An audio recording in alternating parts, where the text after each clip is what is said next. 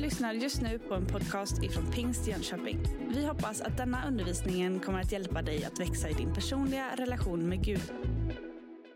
För dig som inte känner mig så heter jag Anna-Kajsa Wallin och jag är en av pastorerna här i den här församlingen.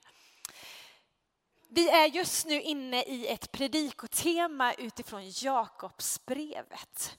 Jakobsbrevet består av fem kapitel, det är fem söndagar vi predikar, en del av varje kapitel varje söndag. Marcus Adamfors började med att tala om tron och prövningen. Förra söndagen så predikade Mattias om tron och handlingen och nu är vi i kapitel 3, tron och talet och det är det vi ska fokusera på idag. Min bön och min längtan för den här stunden som vi har tillsammans, det är att Gud ska få leda det jag ska säga. Att jag inte bara ska få säga det som jag tycker är bra och, liksom, och vad jag vill, utan att Gud ska få förmedla någonting. Det är min bön, det är min längtan, att jag ska få vara ett redskap i hans hand. Och därför vill jag också uppmuntra dig att vara koncentrerad en liten stund. Men framförallt också att bara be till Gud att han ska få tala till dig idag. Gud, vad har du för mig idag? Vad har du den här stunden? Vad vill du säga till mig? Därför att vi kan läsa Guds ord att det är levande och verksamt. Och när vi läser Bibeln tillsammans, när vi studerar Guds ord, så tror vi att det gör någonting med oss. Att Gud talar till oss in i våra liv och det är min bön och min längtan. Men också förväntan. Att Gud ska få säga någonting till oss, att han ska tala till oss idag. Okej? Okay? Är ni med? Underbart. Men faktum är att det är inte bara när man liksom talar så här inför massa människor som man har den där längtan och bönen. Att jag ska få vara ledd av Gud i det jag säger. Utan det handlar ju om varje dag. Att jag varje dag ska få säga någonting från Gud till någon annan. Att Gud ska få lägga ord i min mun, att jag ska få tala gott och sant. Och det är det där som vi ska prata om idag. Nu ska vi be tillsammans. Tack Jesus att vi får lägga den här stunden i dina händer, Herre. Tack att du har gett oss ditt ord och vi ber att när vi ska läsa det, att du ska tala till oss. Och nu ber jag att vi ska få ha öppna hjärtan för vad du vill säga till oss idag, Herre. Tack att du har ett ärende till oss idag, Herre. Till oss var och en och oss som församling. Herre, jag tackar dig för det. I Jesu Kristi namn. Amen.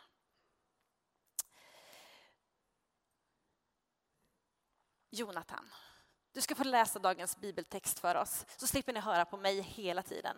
Så vi läser från Jakobsbrevet kapitel 3. Och vers 2. Vi begår alla många fel. Om någon är felfri i sitt tal är han en fullkomlig man som också kan tygla hela sin kropp. När vi lägger betsell i munnen på en häst för att han ska lyda oss styr vi också hela hans kropp. Se också på fartygen som är så stora och drivs av hårda vindar. Ändå styrs det med ett litet roder dit rorsmannen vill. På samma sätt är tungan en liten lem som kan skryta stort. Tänk på en liten en eld. En liten eld kan sätta en stor skog i brand.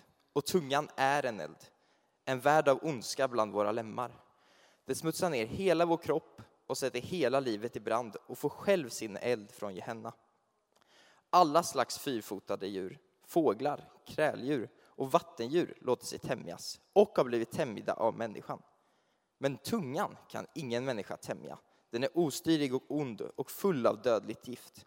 Med den välsignar vi Herren och Fadern och med den förbannar vi människor som är skapade till Guds avbild. Från samma mun kommer välsignelse och förbannelse. Så får det inte vara, mina bröder. En källa kan väl inte vara från samma åder ge både sött och bittert vatten. Mina bröder, ett fikonträd kan väl inte ge oliver eller en vinstock ge fikon. Inte heller kan en salt källa ge sött vatten. Tack. Det här är ett bibelställe som vi ska grotta ner oss lite. Men jag tror att både du och jag har de flesta av oss har erfarit att ord påverkar oss på olika sätt. Det andra säger till oss, det påverkar oss. Har du, precis som jag, fått höra att du kanske är på ett visst sätt, eller ser ut på ett visst sätt, eller du har gjort någonting som blivit fel, så liksom kommer det åt oss. Det gör ont. Negativa ord om hur vi ser ut, eller hur vi är, eller vad vi gör, ja, det gör någonting inom oss. Men positiva ord, det berör oss också. Det finns en kraft i ordet. Så var lite noga med vad du säger till andra. Nu ska vi grotta ner oss i det där bibelstället. Men först ska vi zooma ut. Om vi ser lite mer Jakobsbrevet, lite mer som en helhet och inte bara de här verserna som vi läste nu, så är det som att författaren pekar på motsättningen mellan att säga att man tror och att inte låta tron ta sig uttryck i handling. Vi kommer från kapitlet där Mattias predikade förra söndagen om att handla så här och nu är det tala så. Tron visar sig i handlingar, tron visar sig i talet och tal och handling behöver stämma överens. Och här fokuserar Jakob på tungan. Det är ju en bild för talet och människans verbala förmåga. Här handlar det inte om att formulera sin tro liksom i trosbekännelser, utan på hur man talar om och till andra människor. Och det talade ordet är mycket mer än ljud. Det är en verksam handling. Det finns en kraft i talet att bygga upp eller riva ner. Du kan med talet bekräfta, du kan med talet befästa. För att förklara vilken kraft det finns i tungan, i talet, så används massa bilder i den här texten. Jag tror att det är nio stycken som förhoppningsvis hjälper oss att förstå lite mer. För det första så fastställer det här bibelordet att vi alla gör fel. Ja. Jakob säger med andra ord att vi alla kanske syndar. Även om min längtan är, som jag sa i början, att jag hela tiden vill tala det som Gud vill att jag ska säga, att jag ska få tala gott och uppbyggande, så failar jag ibland. Det blir liksom fel. Jag kanske inte alltid har tålamodet att tala på det bästa sätt till mina barn. Jag kanske inte alltid eh, talar gott när jag är stressad och trött. Då vet jag att en och annan syrlig kommentar kan slinka ut. Eller vad det nu än är. Alla gör vi fel. Det är liksom en eh, vacker beskrivning av en oskön verklighet på något sätt. Jakob säger att den som inte felar i sitt tal är fullkomlig. Men finns det någon som är fullkomlig? Alla felar ju. Alla är vi beroende av Gud, Guds nåd. Men det är inte en anledning till att sluta försöka. Att sträva efter att använda mitt tal till att tala gott, att ära Gud och säga det jag uppfattar att Gud vill att jag ska säga. Och det är det här som Jakob envist uppmuntrar oss till. Renhet och betydelsen av trovärdighet i det vi gör och i det vi talar. Att vara sanna i det vi gör och säger. I början av det vi läste så använder Jakob två bilder för att förklara tungans bruk och missbruk. Tungan är som ett betsel som kan styra en hel häst. Är det några som rider här inne? Har vi några hästmänniskor? Ja, det är snabb. Det här var det nog mer va? Är det någon som rider? Ja, mm, härligt. Betsel, det är alltså det remtyg och det som man har i munnen för att styra hästen. Man har det i munnen. Genom att styra munnen så styr man kroppen. Den andra bilden är rodret som kan styra ett stort fartyg. Har vi några båtmänniskor här? Ja, ja. det var lite fler båtmänniskor än hästmänniskor. Det, det får jag nog erkänna. Yes, hör jag det från. Härligt. Den andra bilden pekar på någonting som är litet, rodret, men som kan påverka någonting stort, fartyget. Den lilla kroppsdelen, tungan, kan utföra stora saker. Det innebär att du kan använda din tunga, din mun till något destruktivt, att bryta ner. Och du kan använda din tunga till någonting positivt, att bygga upp. Kan du behärska din tunga så har du ett gott utgångsläge. Tungan kan vara med och bestämma hur kommunikationen och relation, hur den, kommunikationen och relationen blir mellan två människor. Om tungan kan vara ett positivt redskap så kan den uträtta och förmå mycket. Men tungan är inte betslet, det är inte rodret. Det liknar dessa eftersom det är små redskap som har stor effekt. Och lika så är det med nästa bild. Det behövs bara en liten eld för att antända en hel skog. Skogsbranden karaktäriseras av ett oerhört snabbt och destruktivt förlopp. Bilden illustrerar alltså någonting som verkar litet och obetydligt men hur det liksom kan få okontrollerade och förödande följder. Tungan som eld var en välkänd bild på Bibelns tid. Eld var också en symbol för begäret. Tungan har ju givetvis positiva möjligheter. Men vi vet också att andra sidan är så otroligt stark. Ni vet, man har en redovisning i skolan Eller man kanske gör någonting på jobbet. Man presterar någonting. Man kanske har en redovisning eller man sjunger eller vad det nu än är. Och så får man massa positiva kommentarer och feedback. Och så är det en som säger någonting negativt. Och det har liksom en förmåga att tränga in.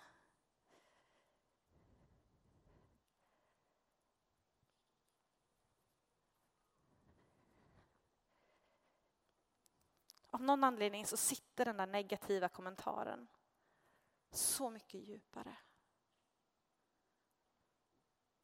Eller den där lilla lögnen som blev så väldigt mycket större än vad jag hade tänkt. Jag var åtta år. Och en morgon när vi kom till skolan så stod vi liksom på rad utanför klassrummet. Och när jag kom dit till skolan den där morgonen så var det någon som hade pajat alla fönster på skolan. Då säger jag till min klasskompis, alltså jag tror jag vet vilka det är, för jag och min brorsa, vi var ute och gick igår. Så jag tror att jag vet vilka det är. Jag tänkte bara säga liksom någon grej till min klasskompis och det var inte sant. Jag vet inte riktigt varför jag sa det heller. Men han, han var inte tyst om det, såklart. Utan han går ju till fröken och säger Anna-Kajsa vet vem det är som har gjort det här. Hon är ju i sin tur inte heller tyst om det såklart, utan hon går till vaktmästaren och till rektorn.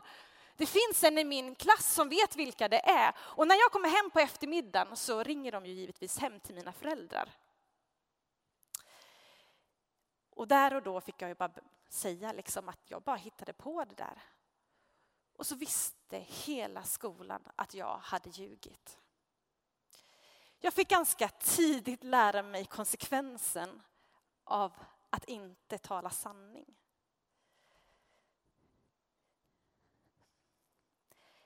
Jag kan ju ha lite nåd med mig själv. Med mitt åttaåriga jag. Som kanske inte riktigt hade ett utvecklat konsekvenstänkande. Utan så där kan ju det vara ibland. Man testar någonting liksom. Men när jag ser ut över världen idag och när jag ser trasiga relationer så ser jag också hur mycket lögnen förstör. Så tala sant. Var sann.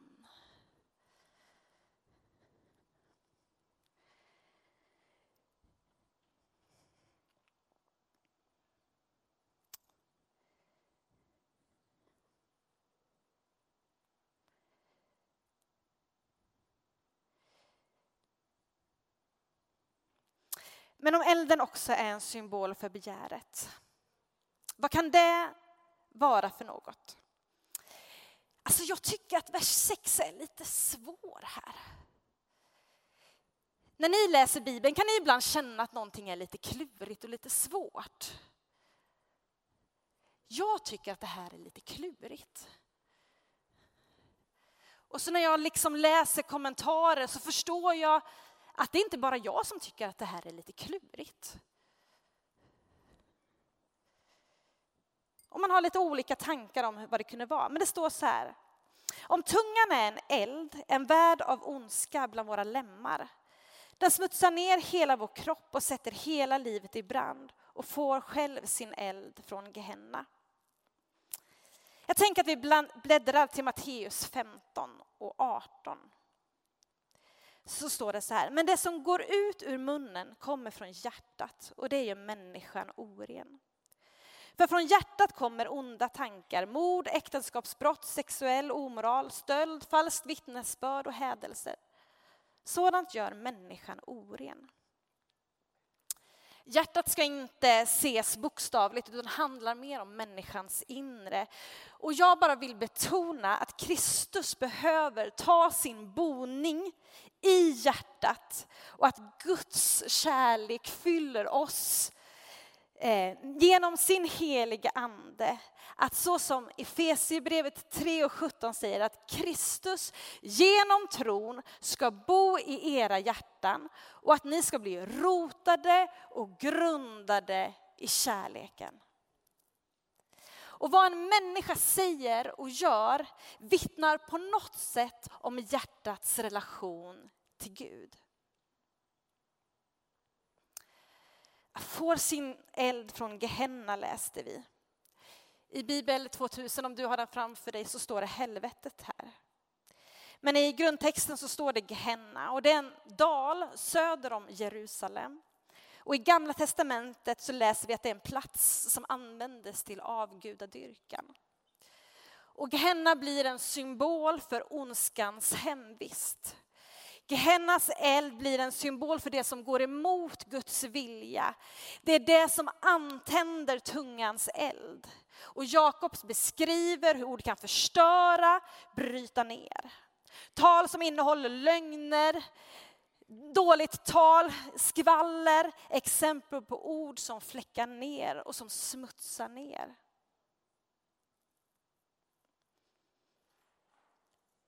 I avslutningen på dessa verser i Jakobsbrevet så talas det om dubbelheten. Att med samma tunga så kan vi göra det finaste av allt. Lovprisa Gud. Men också göra det värsta, att förbanna människor. Så får det inte vara, säger Jakobsbrevet. Väldigt tydligt skulle jag vilja säga. Så får det inte vara. Lite beroende på översättning du har så kan det antingen stå lovprisa eller lovsång eller välsigna. Att välsigna Gud innebär enkelt uttryckt att tala gott om honom. Eh, ord som används i böner och i tillbedjan. Här finns det liksom inte bara en dubbelhet utan en inkonsekvens. Det liksom blir en krock som inte riktigt går ihop. Som inte funkar. Och Jakob skriver ganska mycket om människosyn. Och här betonar han ju att människan är skapad till Guds avbild. Därför funkar det inte att lovprisa Gud och sedan förbanna det som är Guds avbild. Varje människa är skapad till att vara lik Gud och förtjänar därmed respekt från sina medmänniskor. Så var noga med hur du talar om och med dina medmänniskor. De som också är skapade till Guds avbild. Men ibland kan ju det där vara svårt. När man känner att man eh, har blivit orättvist behandlad eller man har jättesvårt för någon. Eller jag är arg och ledsen. Och så kan det vara väldigt, väldigt svårt att hålla liksom, att tala gott.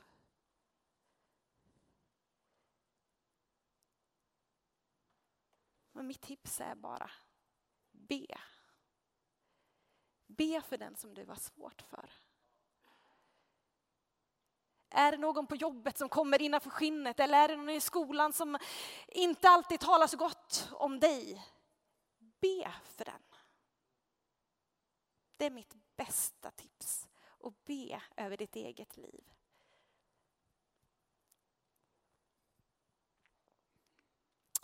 Till sin hjälp så tar Jakob fyra bilder med naturen som exempel för att visa just det här.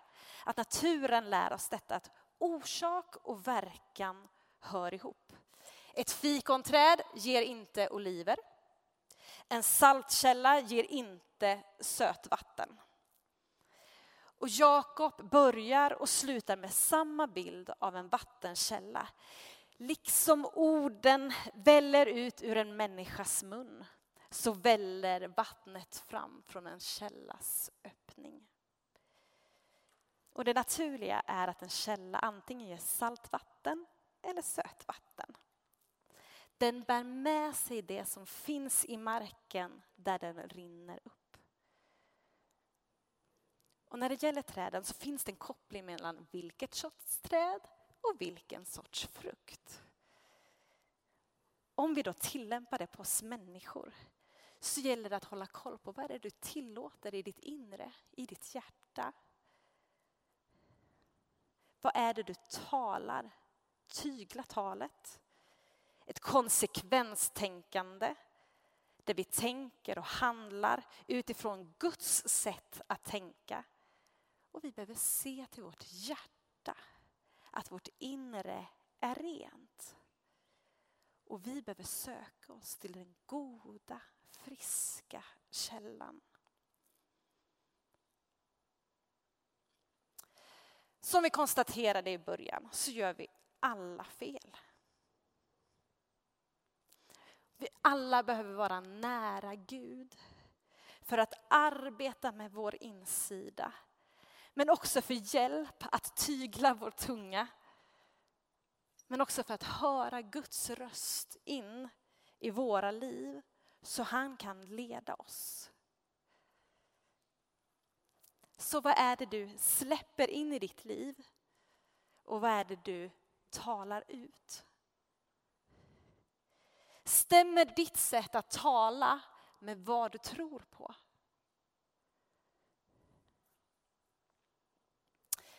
Du vet människans förmåga att kommunicera med ord, det är en fantastisk gåva.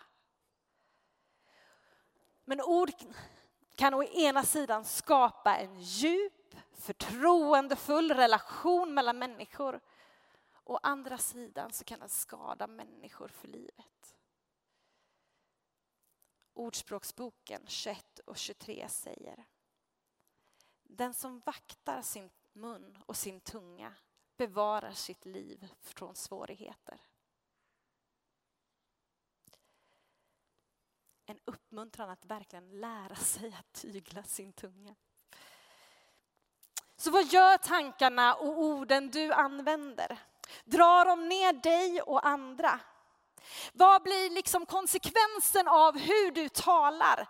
När du är bland dina kompisar, i skolan, på jobbet eller i kyrkan, hemma med familjen eller på stan. Eller kanske på internet. På bildens tid så var ju det skrivna ordet inte lika vanligt som idag, men vi har så otroligt många kommunikationsformer idag. Genom tv, internet, sociala medier så kan orden på gott och ont spridas med en enorm hastighet världen över. Vad bidrar du och jag med där? Skvaller, nedvärderande ord eller lyfter vi varandra? Grejen är ju att vi som kristna på något sätt är Jesu händer och fötter här på jorden. Vi är hans representanter där vi går fram och du och jag kan med våra ord påverka vår omgivning. Så vad är det du sprider omkring dig? Vilka ord säger du? Klart det påverkar. Det vi säger till och om varandra som församling, på arbetsplatsen, på skolan, som medmänniskor här i världen. Och jag tänker också på vår miljö här i kyrkan. Hur är samtalsklimatet? Hur snackar vi med och om varandra? Får alla vara med, komma till tals? Hur agerar du och jag när vi känner att det här är, nu är snacket inte bra? Hur talar vi runt köksbordet när vi kommer hem? Hur är samtalet då? En annan sak är ju avsaknaden av ord. Tystnaden kan absolut vara skön. Men det är inte det jag menar. Men du kan med dina ord bryta någon annans ofrivilliga tystnad. Du kan säga hej när ingen annan gör det. Du kan säga tack när någon har ansträngt sig. Och du kan säga förlåt när det blir fel. Vi pratar jätteofta med barnen om hej, tack och förlåt. Men är det inte så att vi vuxna också har en hel del att lära där. Att bli bättre på att säga hej. Att tacka varandra. Och säga förlåt när det faktiskt blev lite tokigt eller när man har gjort något som man ångrar.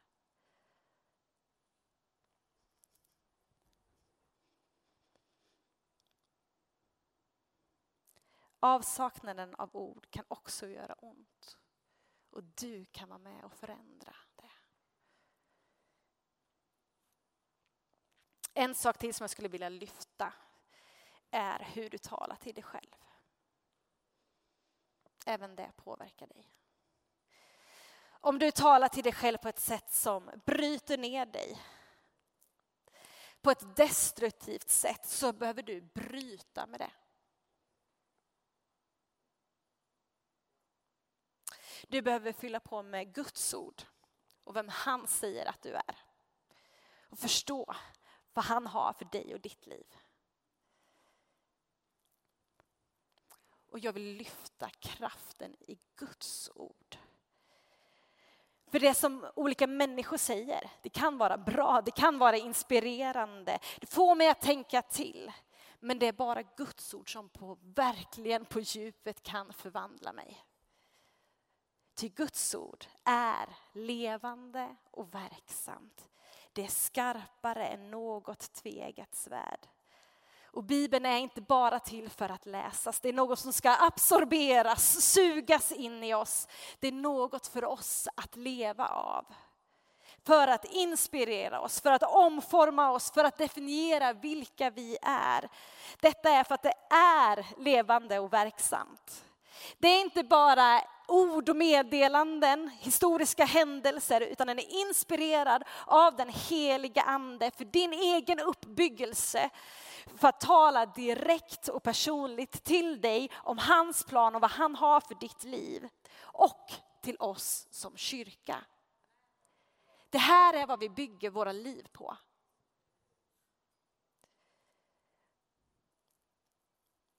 Det handlar inte bara om när vi är så här tillsammans, utan också när du är själv. När det är en helt vanlig vardag. Det här ordet hjälper dig att höra Guds röst så att du kan tala också det han vill. Så ta tid för bönen, ta tid för bibelläsningen. För att lära dig att tygla ditt tal. Därför vill jag också idag bara uppmuntra dig att ha en överlåtelse, en personlig överlåtelse till Guds ord. För utan det så förlorar du vägen och kraften. Och Bibeln är ett gudomligt verktyg för att guida och för att utrusta oss för livet. I en värld där vi omges av så många idéer, påverkningar, påtryckningar från olika håll så behöver vi en regelbunden och en konstant påminnelse om vem han är och vilka vi är och vem vi tillhör. Och du är hans. Du är Guds älskade barn. Och hans ord hjälper dig att förstå att det är sant. Du är hans. Vi behöver det här. Vi behöver Guds ord in i våra liv. Jag behöver det.